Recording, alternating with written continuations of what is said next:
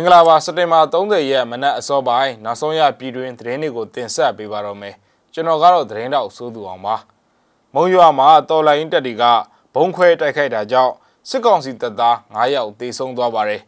ကိုရီနီပြည်နယ်မှာလည်း PDF တပေါင်းစုနဲ့တိုက်ပွဲပြင်းထန်ပြီးစစ်ကောင်စီတပ်ဖွဲ့ဝင်30လောက်သေဆုံးပြန်ပါတယ်မုံရွာမြို့ကစစ်မှုတဟောင်းပြူစောထီတနက်နဲ့ပြစ်သက်ခံလိုက်ရပါတယ် ချင်းတွင်းမြစ်တွင်စံတက်လာတဲ့စစ်သမော၃စီကိုကဏီကာကွယ်ရေးတပ်က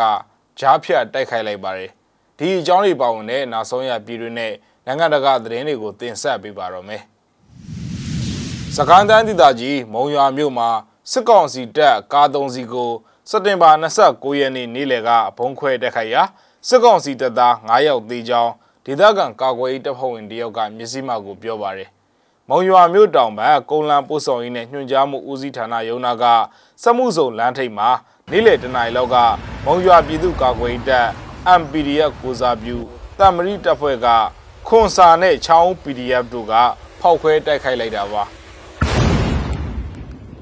စက်တင်ဘာ23ရက်နေ့ကလည်းအဆိုပါပူးပေါင်းတပ်ဖွဲ့အားနေရီကန်အနီးရေဘိုးစားမှာမိုင်းကိုလုံးဖောက်ခွဲတိုက်ခိုက်ရာစစ်ကောင်စီဘက်က6ယောက်သေဆုံးခဲ့ပါသေးတယ်။ အာနာသိစစ်ကောင်စီတပ်ဘက်ကနေတိုက်ခိုက်ပေးဖို့အတွက်လူသစ်စုဆောင်းပေးနေတဲ့စစ်မှုတန်းဟောင်းတယောက်မုံရွာမြို့မှာပဲတနက်နဲ့ပြစ်သက်ခံလိုက်ရပါတယ်။မုံရွာမြို့တာစီလန်းမြို့မရွှေကူကျောင်းသားမှာဦးတန်ထီဆိုသူကိုစက်တင်ဘာ29ရက်နေ့ညနေ4နာရီလောက်မှာမုံရွာ The Boys အဖွဲ့နဲ့မုံရွာ UG Group တို့ကပူးပေါင်းလုပ်ကြံခဲ့ကြောင်းနဲ့တနက်နဲ့၄ချက်ပြစ်ခတ်ခဲ့ကြောင်းထုတ်ပြန်ထားတာလည်းဖြစ်ပါတယ်။ အာနာသိန်းအကြမ်းဖက်စစ်ကောင်စီတပ်ကဒဝယ်မြို့မှာအမြောက်ပစ်လေ့ကျင့်မှုတွေကိုစက်တင်ဘာ29ရက်နေ့ည8နာရီလောက်ကနေစတင်ပြုလုပ်နေကြောင်းသိရပါတယ်။8နာရီမထိုးခင်လေးကိုပြစ်နေတာလက်နက်ကြီးကြမဲ့အရက်ကိုတော့မသိသေးပါဘူးလို့ဒေသခံတယောက်ကပြောပါတယ်။အမြောက်ပစ်စတင်ပြီးနိုင်ဝက်လောက်အချက်ရည်မများနဲ့ပြစ်ခတ်ခဲ့ရာကမျောကင်းသရားနဲ့နီးတဲ့နေအိမ်တွေကတော့မြေကြီးတုံခါမှုတွေရှိခဲ့တယ်လို့သိရပါတယ်။ တဝဲမြို့မှာရှိတဲ့ကာကွယ်ရေးတပ် PDF တွေကိုတင်နန်းပို့ချရာနေရာတွေကိုစစ်ကောင်စီတပ်ကရပိုင်းအတွင်းနယ်မြေရှင်းလင်းလုပ်မယ်ဆိုတဲ့သတင်းတွေလည်းထွက်ပေါ်နေပါတယ်ခင်ဗျချင်းတွင်းမြေကြောင်းတိုင်းစံသက်လာတဲ့လက်နက်ခဲယမ်းတွေနဲ့ရိခါတွေတေဆောင်လာတဲ့စစ်ကောင်စီတပ်တင်မော3စီကိုစက်တင်ဘာ29ရက်နေ့မနက်အစောပိုင်းကစတင်ပြီးပြစ်ခတ်တိုက်ခိုက်မှုတွေလုပ်ခဲ့ကြောင်းနဲ့စစ်ကောင်စီဘက်ကဆုံးရှုံးမှုအများဆုံးတိုက်ပွဲလို့ ကဏီကာကွယ်ရေးတပ်ကထုတ်ပြန်ပါတယ်။စကိုင်းတိုင်းကဏီမြို့နယ်ချင်းတွင်းမြစ်အတွင်းစံတက်လာတဲ့စစ်သင်္ဘောတွေကိုမနက်6နာရီကစတင်လို့ကဏီမြို့နယ်ပြည်သူ့ကာကွယ်ရေးတပ်ဖွဲ့ဝင်တွေကပုတ်လုံးပုတ်လန်တောင်ဝေအနီးဝဲရမှာတစ်ကြိမ်စင်တော်ဝဲကွေမှာတစ်ကြိမ်နဲ့မွေပိုင်းတောင်နားမှာတစ်ကြိမ်တိုက်ခိုက်ခဲ့တာလို့သိရပါတယ်။ကာကွယ်ရေးတပ်ဘက်ကရဲဘော်9ယောက်အသက်အန္တရာယ်မစိုးရိမ်ရတဲ့ဒဏ်ရာတွေရရှိခဲ့ပြီး စစ်ကောင်စီဘက်ကသေဆုံးဒဏ်ရာရရှိမှုစည်းရင်ကိုတော့မသိရသေးပါဘူး။ဒါပေမဲ့လည်းချင်းတွင်းမြေကြောင်အတွင်းတိုက်ပွဲတွေမှာဒီကနေ့တိုက်ပွဲကတော့စစ်ကောင်စီဘက်ကဆုံးရှုံးမှုအများဆုံးတိုက်ပွဲဖြစ်တယ်လို့ကဏီ PDF ကထုတ်ပြန်ပါတယ်။စစ်အမြန်ရှင်ဟာစက်တင်ဘာ28ရက်နေ့ကမုံရွာမြို့အလုံးစိတ်ကန်းကနေလက်နက်ခရမ်းရိခါတွေကိုတည်ဆောင်လာပြီးနောက်ထပ်အမြန်ရေးရေးနှစ်စီးအဆောင်အရှောင်းနဲ့အတူခြိတက်လာခဲ့တာလည်းဖြစ်ပါတယ်ခင်ဗျ။ ရိုင်ကော်မြို့နယ်ကုန်းသားရကျေးရွာနားမှာစက်တင်ဘာ29ရက်မွန်းလယ်ပိုင်းကစတင်တိုက်ပွဲပြင်းထန်ခဲ့ပြီးအခြားဘက်စစ်ကောင်စီတပ်ဖွဲ့ဝင်30နီးပါးသေဆုံးကလက်နက်အပြည့်တင်ဆောင်လာတဲ့ကားတစ်စီးကိုလည်းမီးရှို့ဖျက်ဆီးနိုင်ကြောင်း KNDF ကပြောပါတယ်။သေဆုံးသူအပြင်ထိခိုက်ဒဏ်ရာရတဲ့စစ်ကောင်စီတပ်ဖွဲ့ဝင်အနည်းဆုံး30လောက်ရှိနိုင်ကြောင်းကိုလည်းကရီနီအမျိုးသားကာကွယ်ရေးတပ် KNDF ကဆိုပါတယ်။ သုံးချက်ပြည့်တယ်တစ်ချက်ပဲထည့်တယ်လေ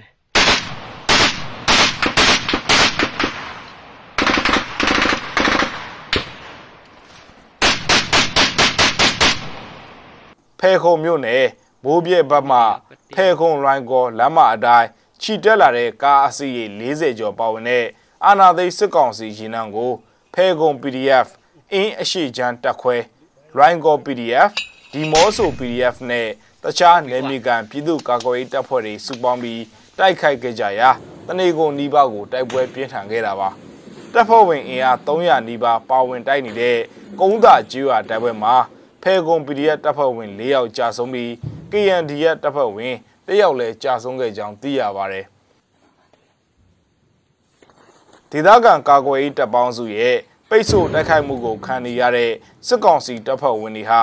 လက်ရှိမှာကုန်းသာကြီးရွာမှာပိတ်မိနေပြီးတိုက်ပွဲဆက်လက်ဖြစ်ပွားနေကြောင်းနဲ့ကုန်းသာကြီးရွာဘက်ကိုလက်နက်ကြီးပစ်ကူပေးနေတဲ့ခမာရ၄နှစ်နဲ့တက်နေလဲမိုးပြဲ PDF တို့ကြားတိုက်ပွဲတွေဖြစ်ခဲ့ကြောင်းသိရပါတယ်။စက်တင်ဘာ29ရက်ညနေ4နာရီဝန်းကျင်အချိန်မှာတော့ဖဲကုံမြို့အမတ်ခွန်စစ်စင်ရေးကိုကဲမှုဌာနချုပ်ဘက်က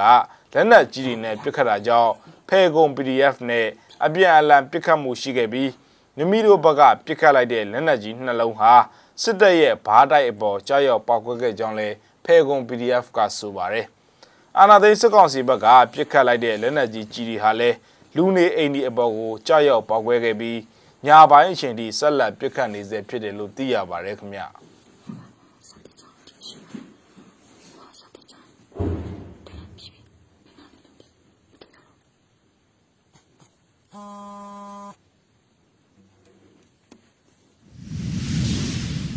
အချက်အချာကြတဲ့မြို့နာကိုရောက်ရှိလာတဲ့သဘုံတွေနဲ့ရီမင်နိုင်ငံရဲ့အနာဂတ်အဆုံးဖြတ်တိုက်ပွဲဆိုတဲ့သတင်းကိုလည်းတင်ဆက်ပေးကြပါမယ်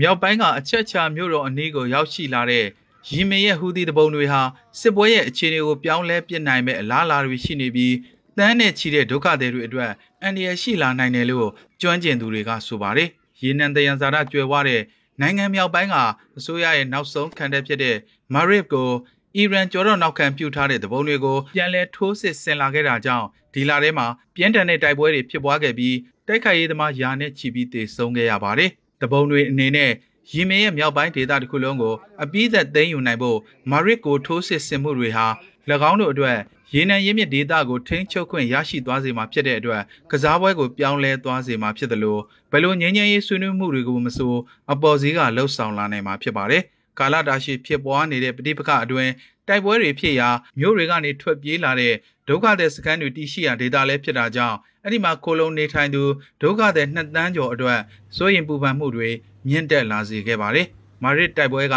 ရီမင်ရဲ့အနာဂတ်ကိုအဆုံးဖြတ်ပေးမှာပဲလို့စစ်မဟာဗျူဟာလေးလာရေးစာနာစင်တာရဲ့အကြီးတန်းသုတေသီတူဖြစ်တဲ့အက်ဘ်ဒူဂါနီအယ်အိုင်ရီယန်နီကဆိုပါတယ်။ဟူသီတွေဟာ အုပ်ချုပ်ရေးရန်တရားအလုံးနီးပါးကိုထိန်းချုပ်ထားပြီးမြို့ကိုပိတ်ဆို့ထားတယ်။တပုံတွေဟာ2014ခုနှစ်ကနိုင်ငံရဲ့မြို့တော်စာနာကိုကျော်ဖြတ်လာခဲ့ပြီးအနောက်ဘက်120ကီလိုမီတာအကွာကမာရစ်မြို့ကိုပြင်းပြင်းထန်ထန်ချင်းချောက်နေခဲ့တာ9နှစ်နီးပါးရှိပြီဖြစ်ပါတယ်ဒီသိမ်းပိုက်မှုကြောင့်နောက်တစ်နှစ်မှာအစိုးရကိုအတိမတ်ပြုဖို့စော်ရီကဥဆောင်ပြီးကြားဝင်စေဆက်ခဲ့ပါတယ်အမေရိကန်ကနာမည်ပေးထားတဲ့ အလုံးစုံပြတ်သုံးရေးစစ်ပွဲဟာကမ္ဘာအဆိုးဝါးဆုံးလူသားချင်းစာနာမှုဆိုင်ရာအကျက်တဲတွေကိုဖြစ်ပေါ်လာစေပြီးတန်းနဲ့ချီတဲ့စစ်ဘေးရှောင်တွေဟာအစာရေစာငတ်မွတ်ခေါင်းပါမှုဘေးဆိုးကိုခံစားနေကြရပါတယ်။ဒီလိုအပြတ်မောက်စစ်ပွဲအတွက်အကြီးဆုံးပေးဆက်ရသူတွေကတော့ပြည်သူတွေပါပဲလို့အာယာနီကဆိုပါတယ်။ဟူဒီလက်နက်ကင်တချို့ကစစ်တပ်ရဲ့နေရာတချို့ကိုစိတ်ဝင်ဖို့ကြိုးစားခဲ့ပေမဲ့အောင်မြင်စွာဖယ်ရှားနိုင်ခဲ့တယ်လို့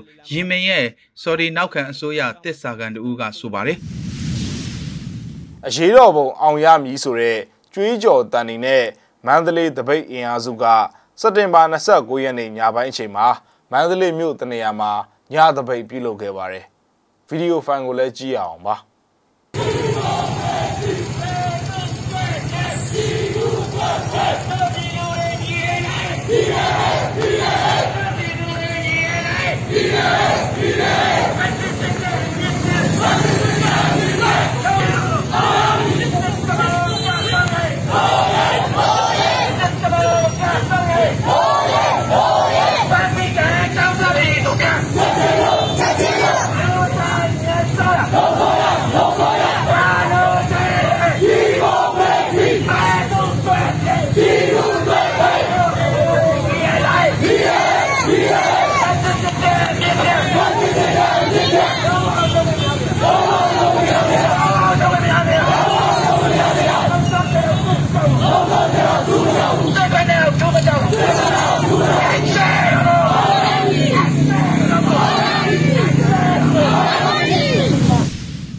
မြစီမရဲ့သတင်းအစီအစဉ်ကိုဒီမှာခဏရနာခြင်းပါတယ်ကြည့်ရှုခဲ့တဲ့မိဘပြည်သူတိုးချင်းစီကိုကျေးဇူးအထူးပဲတင်ရှိပါတယ်ကျွန်တော်တို့သတင်းနဲ့အတူတူပြန်ဆောင်ကြပါဦးမယ်